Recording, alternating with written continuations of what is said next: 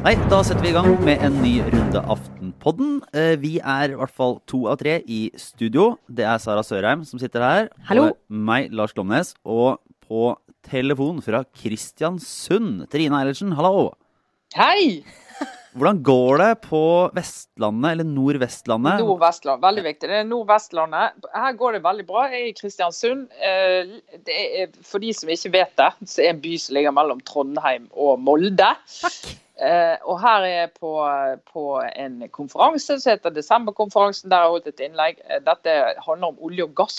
Og Kristiansund er jo en av de mange små byene langs kysten av Norge som har levd godt på den næringen der. Eh, og er jo nå her for å snakke litt til det, og ikke minst eh, få høre hva de har å si. Og ja, de er så hyggelige. Vet du hva som skjedde i går?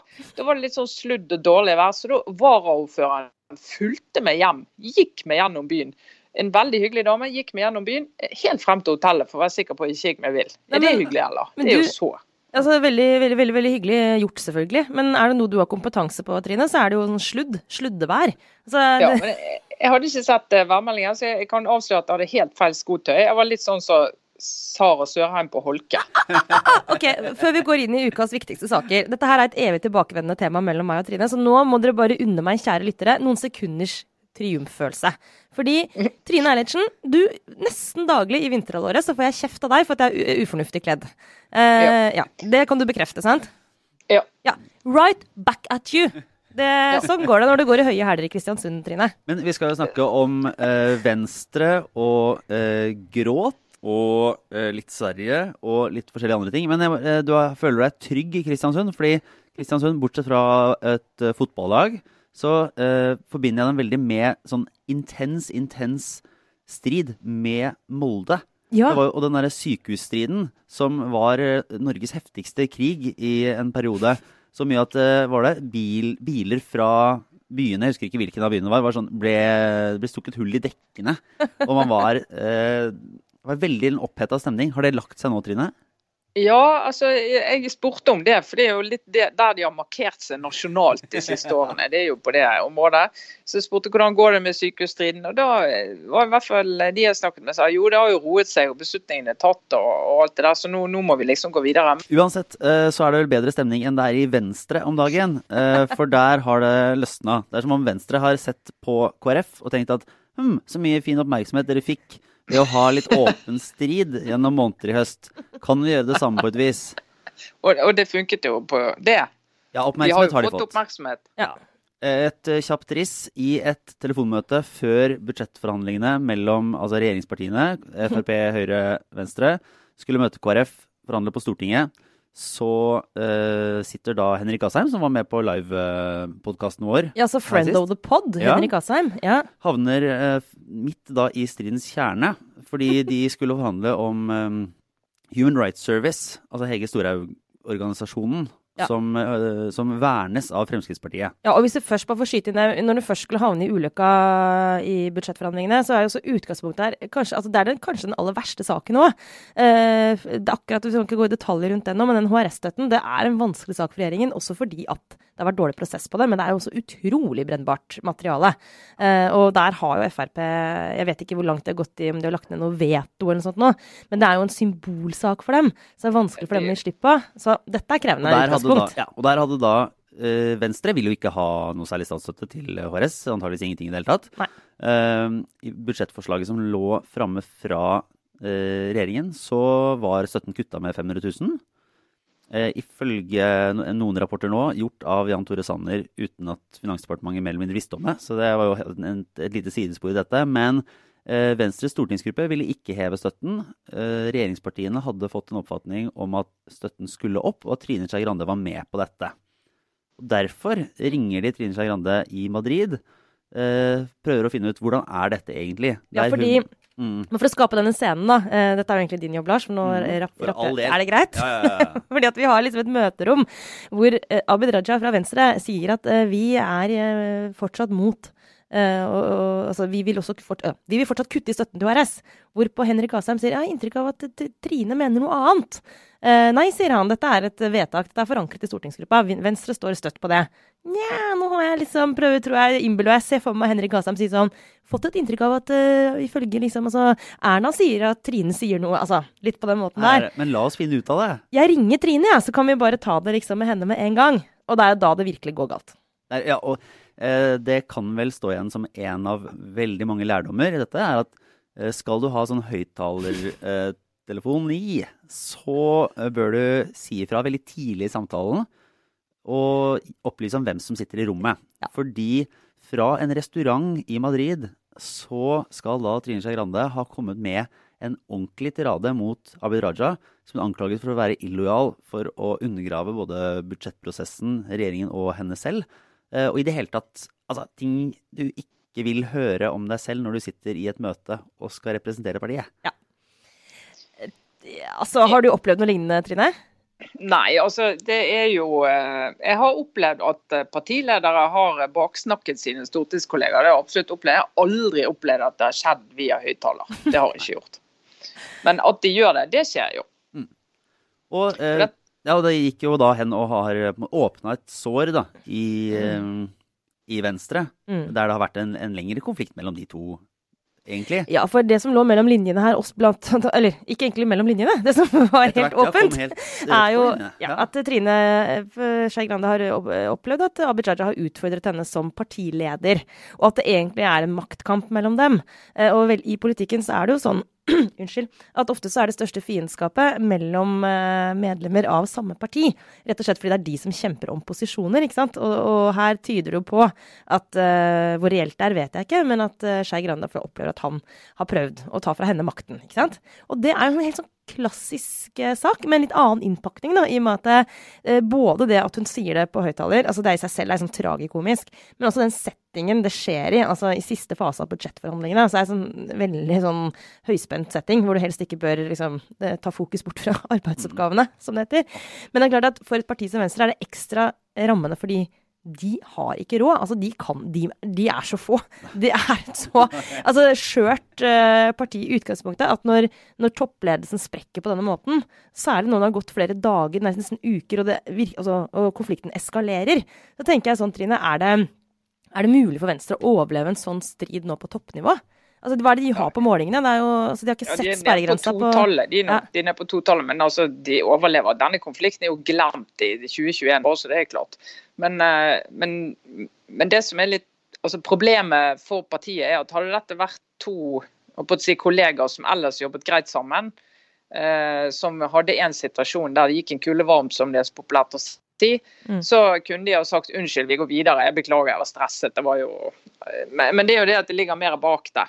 Og så er det jo ja, Trine Skei Grande har jo grunn til å være irritert på Abid Raja. Det må du ikke være i tvil om. For altså, Hun har eh, vært partileder i Venstre, har hatt et vanskelig samarbeidsforhold med regjeringen. Først på utsiden og så på innsiden. Og han har ikke alltid bidratt til å gjøre den jobben veldig enkel. Eh, altså I vår eh, så bidro han til å høyse opp stemningen rundt denne her berømte Åker-saken på landsmøtet. Eh, og, var, og, Det var ganske fascinerende å være på det landsmøtet. for Han snakket med folk, for han snakket jo som om alle var utrolig opptatt av at hun skulle snakke om det og gjøre rede for det. Men du fant liksom ikke så mange flere enn han som var opptatt av det. Og det blir jo lagt merke til. Og så hadde jo denne situasjonen hvor han og konen i et intervju snakket om han som potensiell ny partileder i Venstre. Eh, og han hadde jo et utfall mot henne før landsmøtet i fjor. etter han er veldig altså, tøff. Eh, når du ramser det opp sånn, så begynner jeg på en måte å skjønne at det kan, kan, kan bli litt, sånn, litt irritert. Var, ja, altså, så Ingen tvil om at Trine Skei Grande er irritert. Men det som skjer nå, er jo at hun har gjort en tabbe. For hun har ikke fortalt stortingsgruppen sin om at hun er med på at de skal gjen, gjeninnføre den støtten til HRS. Og det er jo hun som har gjort tabben. Ja. Og så blir hun sint på han. Og det er jo helt urimelig. Det er jo eh, fascinerende å snakke med, en, eh, snakke med litt folk i, i, Venstre. Som ble sagt, det er jo en vanskelig kombinasjon når én kanskje har litt eh, hang til å eh, bli fornærma og tenke på konspirasjons, tenke liksom konspirasjonsteorier, og den andre kanskje har en hang til å konspirere. Ja. Eh, ja, det får du den. Jeg, jeg, jeg, er paranoid, men det er ikke uten grunn. Ja, det er liksom, ja.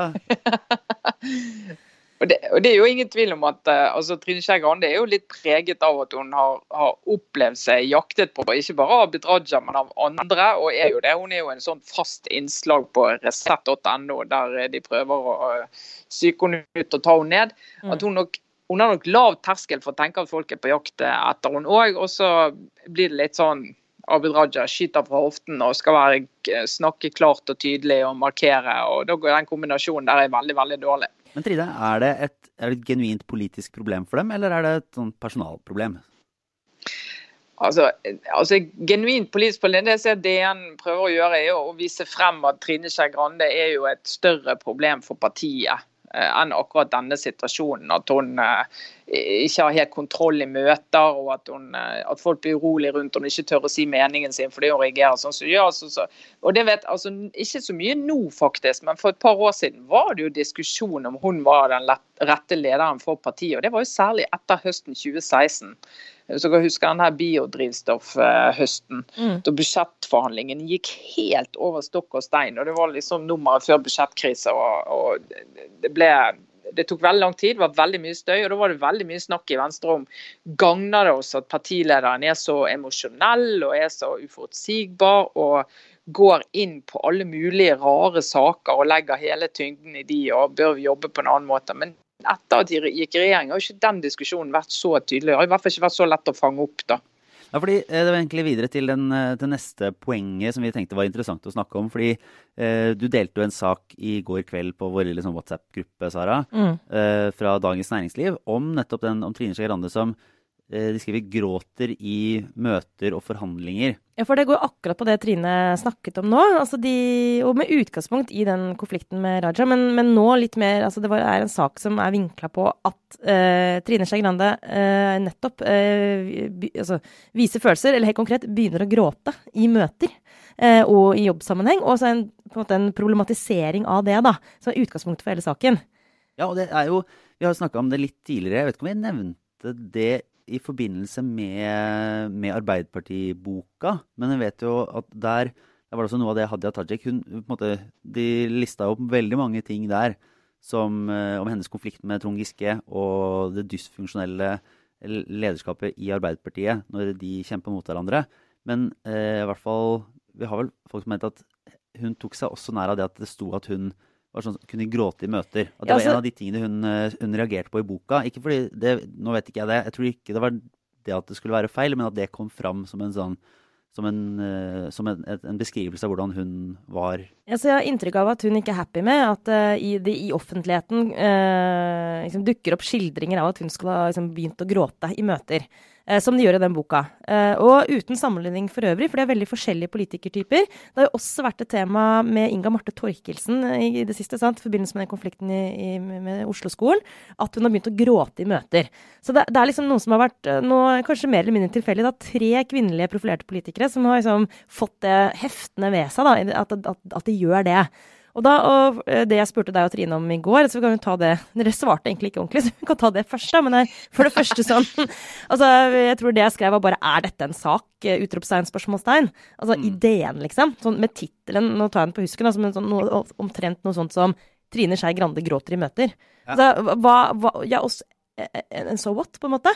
Altså, Er det en sak? Jeg kan bare stille dere spørsmålet. Ja, der har jo jeg, eh, som, den, eh, som, den, moderne, myke mannen eh, jeg er Den metroseksuelle eh, mannen. mannen ja. er, så uh, har jeg lurt på også tidligere om det er en sånn ting som kommer til å komme om, om gråt kommer til å bli mer akseptert som følelsesuttrykk. da. At vi, at vi erkjenner at det det er, måte, det er, noe som skjer. Du ja, kan grine litt, du kan le litt, du kan håpe på. Ja, men ingenting som tyder på det, da? Altså Når det blir en sak nei. i en avis? Nei, det, det, men, jeg, at, men bør det? Bør vi gråte mer? Nei, nei, nei, nei. nei. Nå, nå må vi Å, stopp! nå fikk Trine en sånn emo-stressreaksjon. Sitter jeg og Lars og rotter oss sammen her og blir sånn ja, ja, Kom igjen, Trine, det var greit å vise litt følelser og være litt sånn ja, eh, Bjuda på litt der. Nei, også, altså hvis, du har, hvis du er leder eller har ansvar eller taler på vegne av en del folk, så må du faktisk lære deg å kontrollere en del av følelsene dine. Du må lære deg at du ikke kan bli rasende sint i tide og utide. Mm. Du må lære deg at du ikke kan gråte i tide og utide. Og dette handler ikke om, om liksom den der eh, si til små gutter at du får ikke lov å gråte. Så de må bare gråte, de må bli kjent med følelsene sine og tett og nært og alt det der. Men, men når du er- sitter i sånne situasjoner hvor du ja, skal du forhandle, eller du er leder og forholder deg til ansatte, og hvis du da plutselig begynner å gråte, eller blir rasende sint, eller liksom bare helt mister det, så gjør du de andre utrygge. De vet ikke hvordan de skal akseptere, og så kan du si det at ja, men hvis du bare gjør nok av det, så blir de ikke utrygge, for da blir de vant til det. Men det går jo ikke an å sitte og ha det som en, en måte å samarbeide på, at hun sitter og gråter og skriker. og Det går jo ikke. Men altså, jeg, kan, for jeg, jeg, jeg, skjønner, jeg er helt enig i det med skriking og sinne. Eh, og jeg har hatt sjefer, de har tilfeldigvis Nei, ikke alle, forresten. Det er også damer blant dem. Jeg har hatt sjefer som har hatt en hang Altså innimellom vært blitt sånn ko-ko rasende.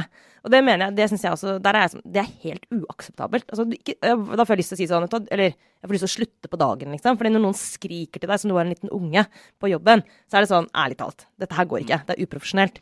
Men jeg, jeg, føler, men jeg føler at Jeg eh, mener du gråting gråting annerledes. ja, for at gråt og sinne er to veldig forskjellige følelsesuttrykk. Og at gråt eh, Og her, dette sier jo litt om Dette er jo basert på egne, mitt eget følelsesregister. Men gråt er også vanskeligere å kontrollere. Altså det er, liksom, men, men det går helt fint an at tårene bare renner, men at man liksom fortsetter en helt rasjonell eh, samtale. Altså Det er Altså, ikke det, det samme tror- som å miste hodet nødvendigvis, da. Nei da, og det går an. Jeg tror flere som har sittet i møter og ledermøter, det har jeg også opplevd. Altså, altså, jeg snakker om noe som betyr veldig mye for meg, og så er det et eller annet som gjør at jeg blir grepet av det, og så kjenner jeg jøss, det ble vanskelig. Og da må jeg liksom si jøss, det her ble, nå ble jeg veldig grepet av det, jeg må ta en pause. Eller, altså, det må et eller annet eller du kan bli veldig rørt. altså Det er liksom det å vise følelser, f.eks.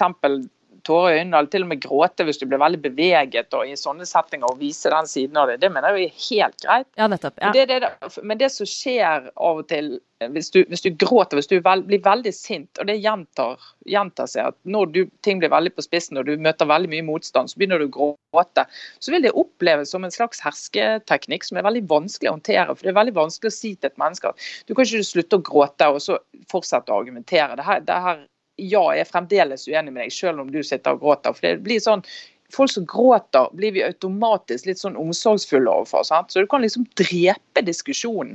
Mm. jeg, jeg, jeg, jeg, er enig i det. Det har og jeg har også erfart at det er et nederlag. Altså, det, er ikke ofte jeg griner. Hvis jeg griner på jobben, så er det stort sett på dass. Det er en vanlig sånn grine på dass eh, som mange gjør. Eller noen gjør. Men Ja, jeg, jeg har grått Noen- i åpent landskap på jobben. Jeg. Det Har du jeg det? I åpent lende?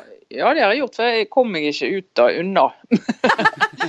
ikke veldig høyt og hulkende, da. Det skal sies. Men jeg har jo det. Altså, du, du blir jo grepet av følelser på jobb, og det er jo ikke det. Det eneste jeg har hørt gå virkelig hulken gjennom et åpent eh, kontorlandskap, det er Jens B. Heierdal, eh, Dagbladets eh, gamle eier, som eh, hadde en tendens til å alltid begynne å gråte på de litt vanskelige møter. Eneste mannen jeg har opplevd som har gjort det, faktisk. Eh, altså, og det er en kjent sak i deler av pressen, at han, han, og han hulkegrein. Eh, I enkelte sammenhenger. Men ellers er det jo sjelden i åpent landskap. Men, men jeg har i hvert fall opplevd noen ganger når jeg ikke, også som deg, Trine, ikke har rukket å kom- komme meg ut av rommet, at jeg har liksom kjent at jeg, altså jeg har begynt å grine i en samtale som er krevende. Det kjennes som et nederlag. Altså det, og, og det er et nederlag, egentlig. For da har Ja, man det er, liksom ja. det er et nederlag. Men, men det syns jeg er interessant, eh, for du nevnte det så vidt, Sara. Jeg tror jo begge vi har opplevd altså mannlige ledere, og, og, og det har sikkert mange andre gjort, som liksom kan helt miste det og bli helt sånn rasende og skrike. Ja. Eh, og så kan du kanskje tenke, i hvert fall mitt inntrykk da, at det er kanskje flere menn som gjør det, og så er det kanskje flere kvinner som kan, kan begynne å gråte da i møter. Er Men du har jo ikke, har ikke lagd så veldig mange, det er jo ikke lagd så veldig mange saker om menn som mister besinnelsen og skriker og gråter. Altså for det, for det, Der er fremdeles tror jeg oppfatningen sånn at ja, han har mistet det, han mister det litt av og til, men han er en god sjef. Han er flink, vet du. Flink. ja, typisk sånn. kvinner så blir det på en måte en del av argumentet for at hun er en dårlig leder. sant? Der, der mener jeg vi ser en forskjell i vektingen av det. da. Mm. Og, Altså, Sinte menn eh, kommer unna med mer enn gråtende kvinner. da.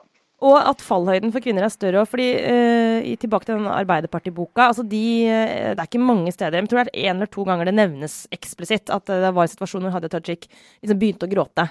Så er jo det en situasjon som er helt sånn altså, Det er langt over grensa for en helt uakseptabel altså, Hun hadde blitt utsatt for, for urett. altså det, Den oppførselen som Trond Giske Ifølge boken, da, hvis det stemmer, eh, så er det ting som er helt sånn Det er helt greit å reagere emosjonelt på. altså Det er ikke som at du måtte grine for hun mista pennen, liksom. altså det er, det er, men, men det, jeg bare synes det er interessant at det, er en såpass rammende beskrivelse, uh, og at det er uh, en større Altså, det er mer rammende for en kvinne å bli beskrevet som en som tar til tårene, enn det er for en mann å, å miste hodet. Og det er kanskje det som gjorde at jeg reagerte på den saken i DN, fordi Eh, hvis det stemmer at Trine Skei Grande har, på vanskelige møter reagerer så sterkt emosjonelt, så er jeg enig i at det, det, virker veldig uprofesjonelt, altså. Og det, det, bør ikke en partileder gjøre. Men liksom, det er noe med Fra det til at det blir liksom en svær sak i DN, sånn 'Hun begynner å grine!' Som er litt sånn ja. overdimensjonert, kanskje. Ja, for det er jo ikke nytt at hun har grått på møter. Nei.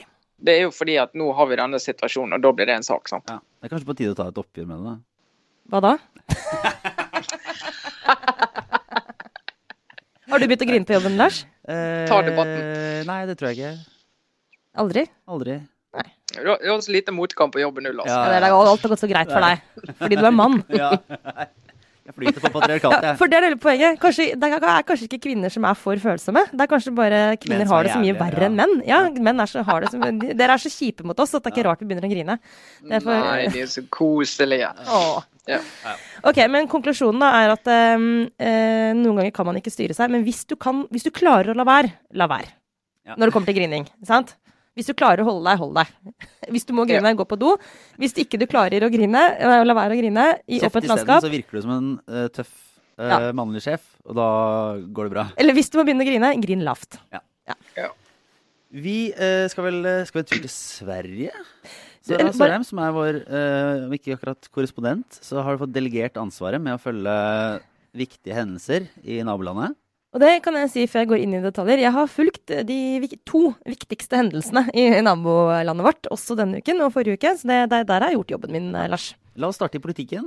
Ja, eh, i politikken. Altså, det er jo et eh, Altså, det er nesten sånn Sverige har blitt Belgia, faktisk. Eh, ja. Rett og slett. Det er et land uten styring. Det er bare kaos. Bare rot og tull. Og det er helt umulig, egentlig, å skjønne alle detaljene i hva som skjer. Det eneste vi vet, er at uh, Stefan Löfven sitter fortsatt da som statsminister, for de har ikke klart å finne noen ny regjering. Og nå er de på forsøk er det tre eller fire? Her går jeg faktisk litt i sur. Med, hvor denne talmannen som sitter og er ansvarlig for dette, som er liksom stortingspresidenten i Sverige, han må drive og gi ballen videre til den ene statsministerkandidaten etter den andre som får i oppdrag å eh, samtale med de andre partiene og prøve å finne et parlamentarisk grunnlag å regjere på, da. Det har ikke ja. gått så bra så langt. Ja, og så har det jo fremstått som relativt åpenbart at hvis de skal greie dette nå med den sitsen med Sverigedemokraterna, som alle har gått til valg på at de ikke skal samarbeide med, og heller på en måte ikke være avhengig av støtte av, som jo en, en spennende, spennende ønske i en valgkamp, eh, så, så, eneste muligheten for å få dette til, er jo egentlig å, å sprekke opp blokkene. Ja. Uh, og Det snakket jo Löfven om på valgdagen, at nå må, nå må, det skje. Og nå I denne runden så er det jo nettopp det de, de på en eller annen måte prøver å få til med at Senterpartiet og Annie Løv, som har hørt til alliansen, altså borgerlig blokk, og vært veldig veldig tydelige på at det er der de gjør hjemme, mm. eh, nå likevel ser at greit, vi kan vi må faktisk bidra til at landet får en regjering, og da må vi snakke med Sosialdemokratene og Stefan Löfven. Og så har de levert sine krav, eh, og det er jo ikke småtterier. Så de får jo faktisk eh, ganske sånn eh, ja, nesten litt kjeft fra svenske aviser med ulik politisk farge, ser jeg. fordi at de det egentlig hun krever, nesten så ultimate krav, er at Stefan Löfven skal drive borgerlig politikk. Han skal senke skattene, han skal liberalisere arbeidsretts, arbeidsrettslovverk, og det skal være lettere med ansettelser. Og så gjør han det sånne ting som type sånne saker som skiller høyre- og venstresiden, vil hun ha inn der, da. Så lurer du litt på om det er sånn, gjør du dette for å faktisk få enighet, eller gjør du det for å bare vise at Hei, få vite, vise at dette går, ikke ja. sant. Ja, for det er et eller annet med hun eh, Egentlig også kult å følge hun Annie Løf på Instagram, fordi hun skriver mye der. Eh, og eh, faktisk helt sånn reelt nyttig å følge henne der. Eh, I tillegg til at det også er mange bilder av barna, og at veldig mange bilder av hun er veldig pen. Men, men det er hun jo også, greit. Men eh, der også eh, måtte jeg sånn, trekke litt på smilebåndet, faktisk, når hun da gjør to ting. Hun sier jeg er den som prøver å få dette til. Altså, jeg er den konstruktive her. Jeg har strukket hånden over eh, blokkegrensa. Eh, faktisk strukket ut hånden i retning Stefan Löfven. Eh, men han gjør seg så vanskelig, eh, fordi vi har kommet med et tilbud, men vi har fått et skambud tilbake. Det var den siste omdreining nå, ikke sant. Og hun, hun mener at eh, Sosialdemokratene har svart på hennes tilbud i gåseøyne er liksom et eh, altfor lite uh, konstruktivt svar. Men da er det sånn Det er jo ikke et tilbud hun har kommet med. Det er verdens lengste kravliste. Det er, det er, det er en beskjed om at vi kan samarbeide hvis dere blir et borgerlig parti. Så, så her syns jeg hun dobbeltkommuniserer ganske heftig, da. Fordi hun kan ikke både være den konstruktive samtidig som hun skal vinne absolutt alt. Altså det ligger i kortet. Hun, hun må også gi noe. Så nå er jo det spørsmålet, og dette er siste forsøk de har før et uh, nyvalg. Hvis ikke de lykkes nå, så blir det nyvalg. og det er ingen grunn til å tro at resultatet av et nyvalg heller vil bli noe særlig tydeligere. Så det er ganske sånn avgjørende dager i Sverige nå. Men spørsmålet er da Nå, skal, nå vet vi ikke hva som blir resultatet, men nå må jo da Löfven og Løf eh, sannsynligvis klare Altså hun må gi noe til han. De må finne en eller annen enighet. Gjør de det, så, så blir det ny regjering i Sverige.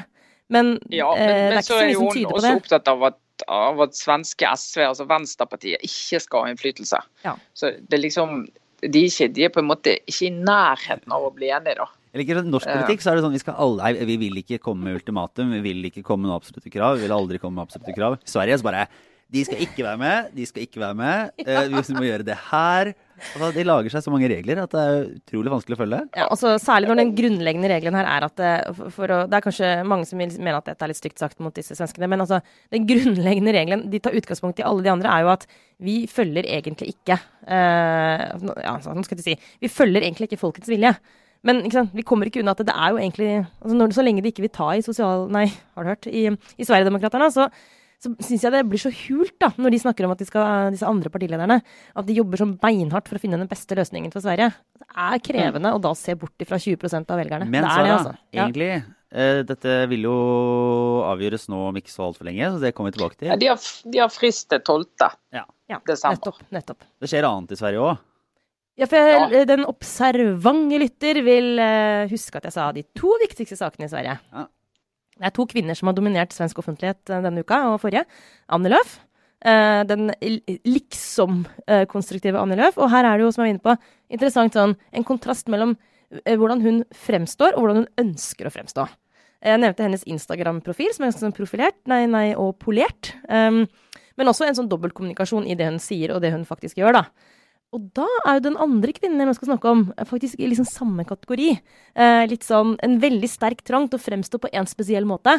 Men Virkeligheten innhenter. Virkeligheten innhenter, og da blir det kaos. Og det som kanskje noen har skjønt, jeg snakker om nå, er jo da Sveriges største blogger, Blondin Bella. Men det her, altså dette som, som, noen kanskje har forstått Når du sier det, så er det sånn Nei, det er ikke så mange som har forstått det nødvendigvis. Jeg hadde ikke hørt på denne historien før du fortalte det, men det er jo altså, det er jo ellevilt. Nå er det Blondin ja. Bella. Jeg har hørt om den før.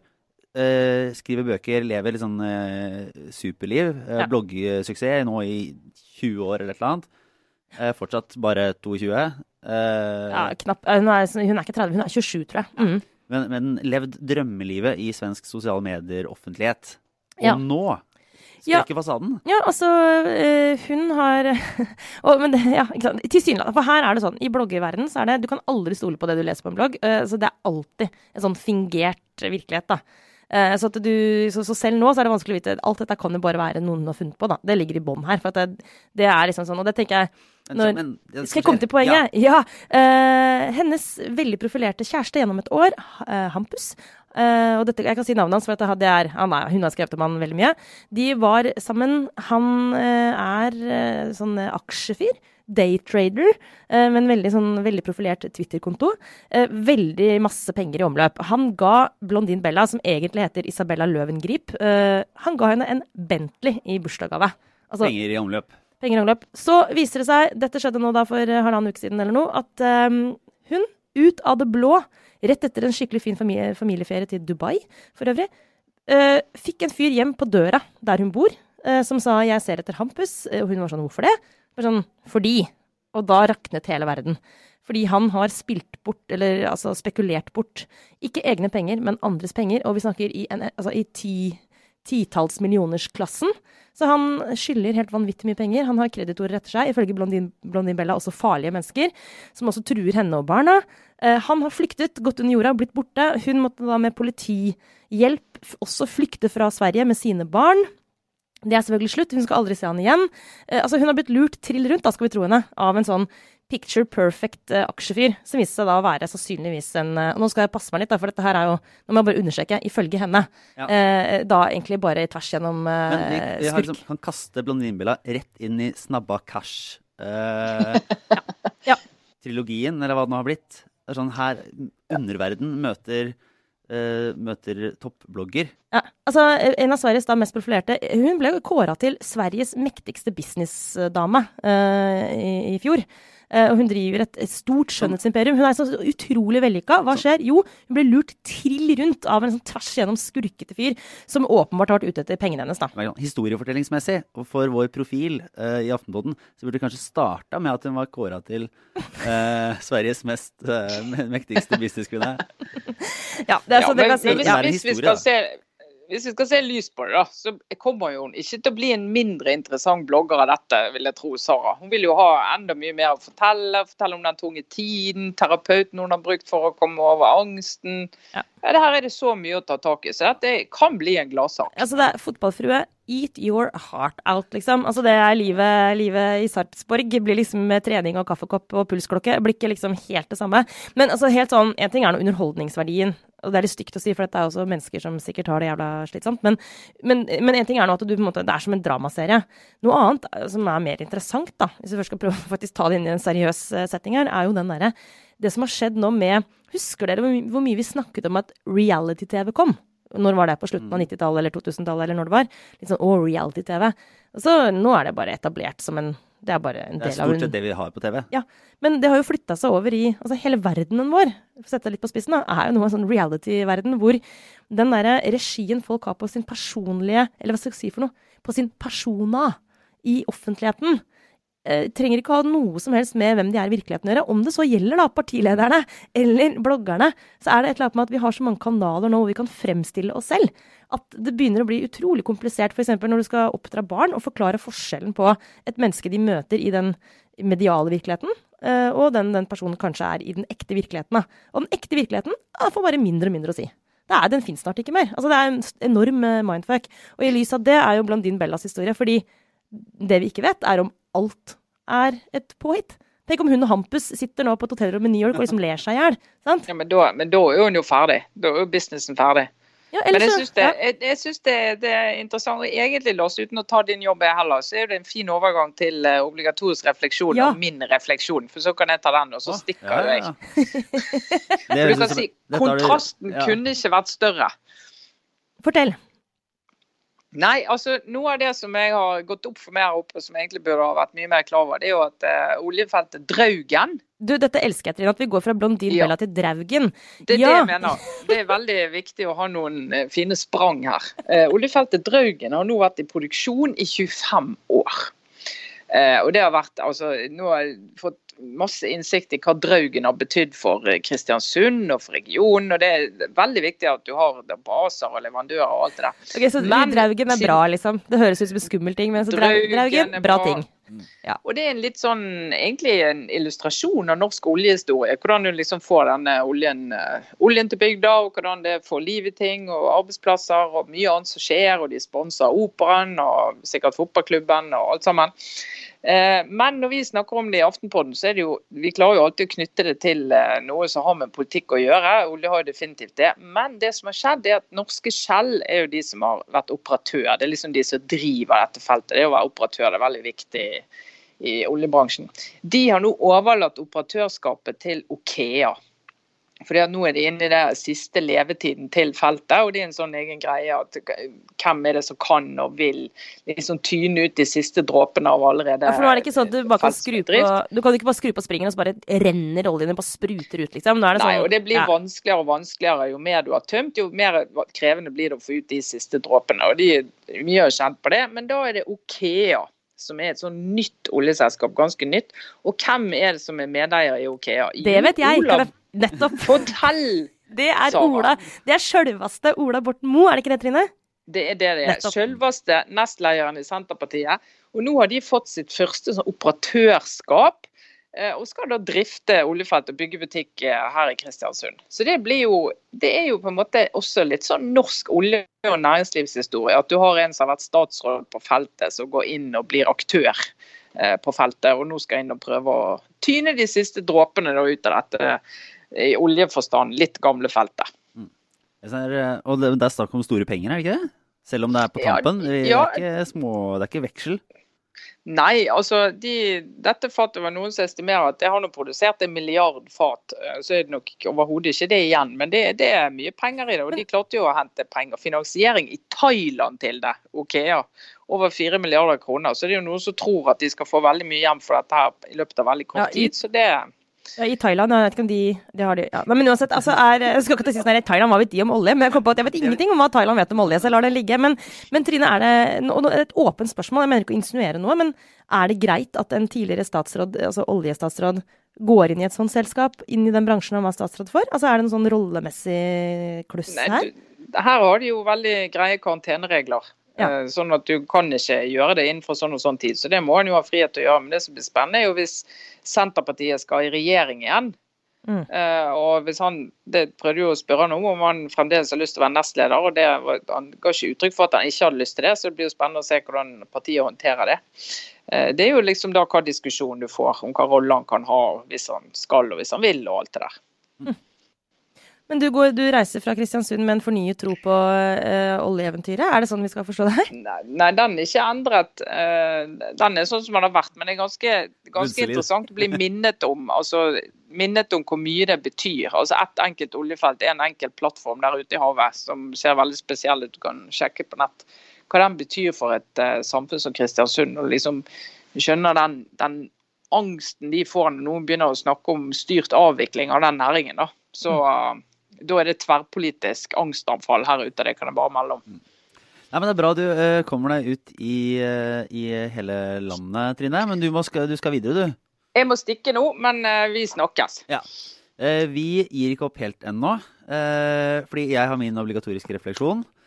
Egentlig litt todelt. Eh, men jeg så, en, kan, jeg så en dokumentar i forrige uke som heter The Problem with Apu. Ok.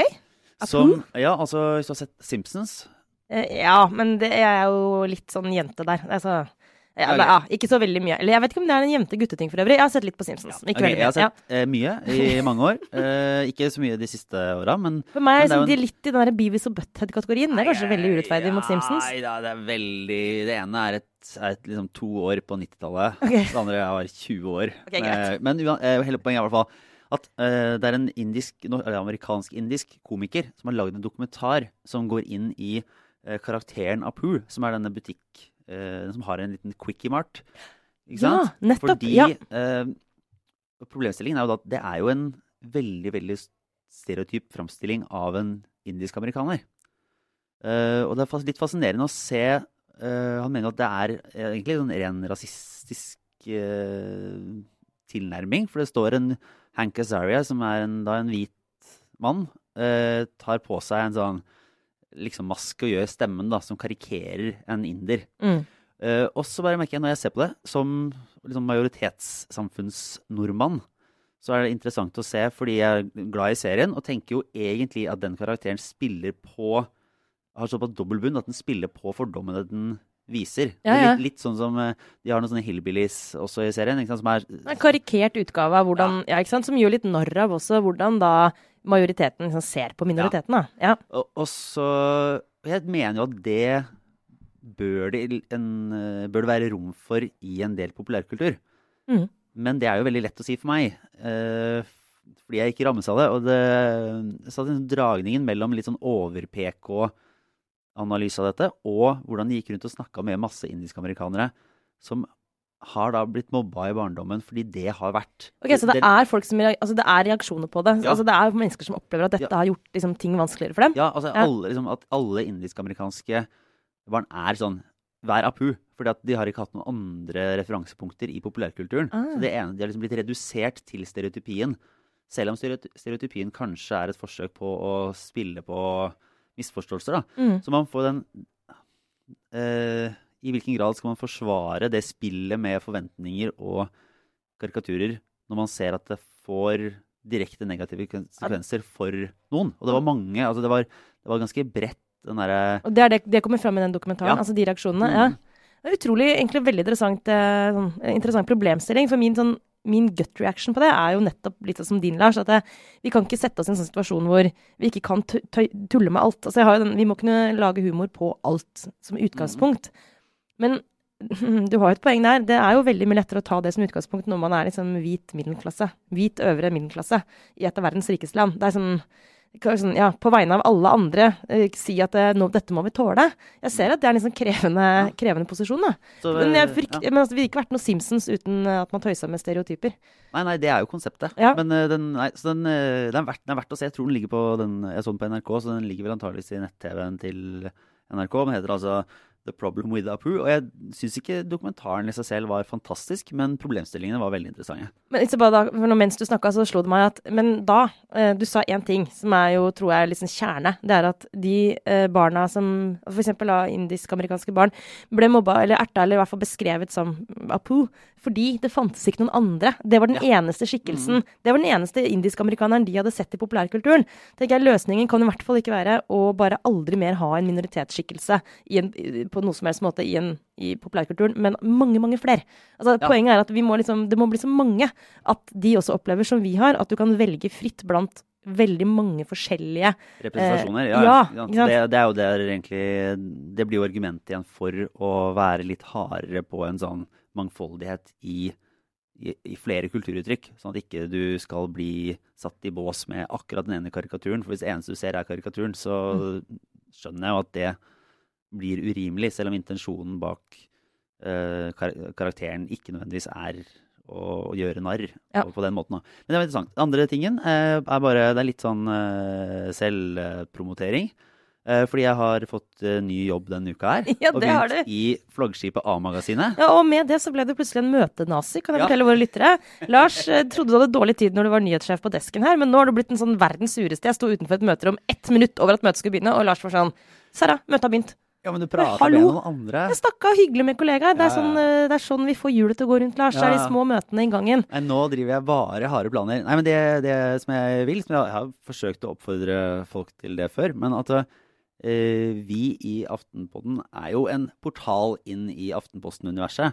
Sånn at vi vil jo ha gode tips og nyheter og innspill eh, til rene nyhetssaker. Så du ber om hjelp du nå? Jeg ber om hjelp jeg nå, ja. til å bli en suksess i min nye, nye rolle som nyhetsleder i magasinet. Og da trenger du historier? Gode? Historier, gode historier, innspill, ting man lurer på.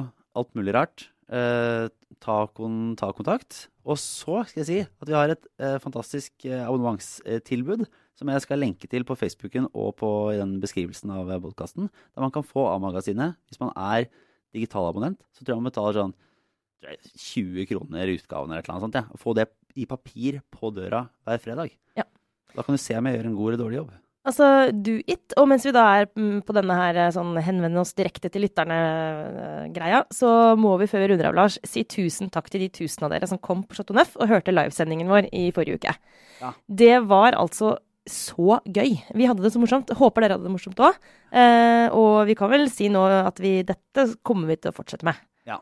Og der kan man kjøpe merch på aftenpodden.no. Ja, ja. Der selger vi eh, kopper og julegaver eh, over en lav sko. Det er veldig gøy. Men Sara, du har jo en obligatorisk refleksjon. Ja, det er sant. Ja. Jeg skal nevne den før vi runder av. Jeg tenkte at Blondin Bella liksom, Jeg tok så mye plass på mine liksom, eh, Kan jeg få nevne den andre? For det kan gå veldig fort. Eh, fordi eh, det var bare på vei inn i studio her, så fortalte jeg deg om en for en gangs skyld en skikkelig bra sånn motespalte. Altså, må dere ikke misforstå meg, de kan skrive smarte ting om mote i aviser, men det er liksom ikke det jeg bruker mest tid på. Men New York Times har en moteskribent, og hun har en kommentar nå som dere finner Jeg kan legge den ut på vår Facebook-side. Det er en uh, anmeldelse av Victoria Secrets uh, sitt siste sånn show.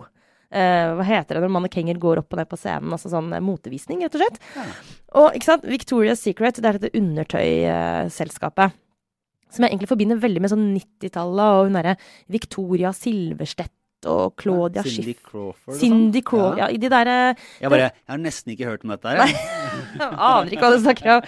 Men hele den der undertøysmodellgreia, liksom, som var veldig sånn stor del av populærkulturen. Um, de har fått kritikk i det siste, eh, med rette, om å ha et veldig lite diversitetsuttrykk. Hva heter det på norsk? Altså alle modellene til Victorias Mangfoldighet. Ja, Lite ja. mangfoldighet i sine modeller. Alle ser helt like ut. Alle er kjempetynne, kjempehøye med store pupper og ofte liksom langt hår i sånne bølger. Og de ser ut sånn som dere kan tenke dere. Og det har den eh, kjeden begynt å få kritikk for. Og der har det vært en diskusjon. der Sjefer har måttet gå, og de har liksom innrømt at ja, vi har problemer med det. Eh, men nå hadde de da dette showet, og det var jo da selvfølgelig akkurat sånn som det pleier å være. Men poenget med å nevne dette her var at hun moteskribenten var sånn Vet dere hva? Bare slapp av. Det her er altså det kjedeligste jeg har sett. Altså sånn Victoria Secrets sitt show. Det er så kjedelig at du bare Du dør nesten mens du ser på det. Jeg orker ikke å mene noe om det engang. Altså, tiden har gått fra det. Vi har beveget oss videre. Det, det, ingen syns dette er noe kult lenger. La de bare dø i fred. Bare ikke tenk på det. Vi gidder ikke å bruke tid på å snakke om det. det er bare Sånne typer modeller som det, i sånne bitte, bitte små undertøysting, det, har ingen effekt. Det er dødskjedelig. Nå er det andre mennesker, andre typer, andre skikkelser som på en måte setter tonen for, for hva som er å være en it-girl, f.eks. Det handler om helt andre ting. Altså De som, er, som har de største kontoene på Instagram, ja, det er fortsatt masse skal ikke idyllisere, eller det er masse skjønnhetspress og det er masse, masse greier rundt å ikke bli tjukk og altså Vi har fortsatt issues. Men rommet for å være kul er altså mye større, og det er et helt annet sted enn akkurat Det er ikke Victoria's Nei. Secret som eier det lenger.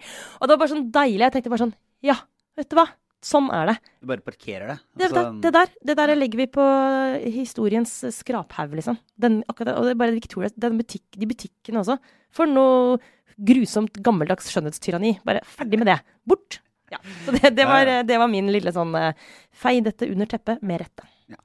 Eh, da har vi vært innom ganske mye. Og Lars, du bare nikk og si at jeg er enig. Jo, jo, jo, jeg enig. Ja, men det er, det er også noe sånn derre Det er noe litt rart pek, sånn, skal ikke undertøysmodeller få se ut som undertøysmodeller lenger? ok. Vi lar den ligge. Hei. Eh, Trine Eilertsen eh, stakk av ut i Kristiansund. Eh, vi stikker av videre i hverdagen. Er jo tilbake neste uke. Takk, Sara Sørheim. Jeg heter Lars Glomnes. Ha det bra.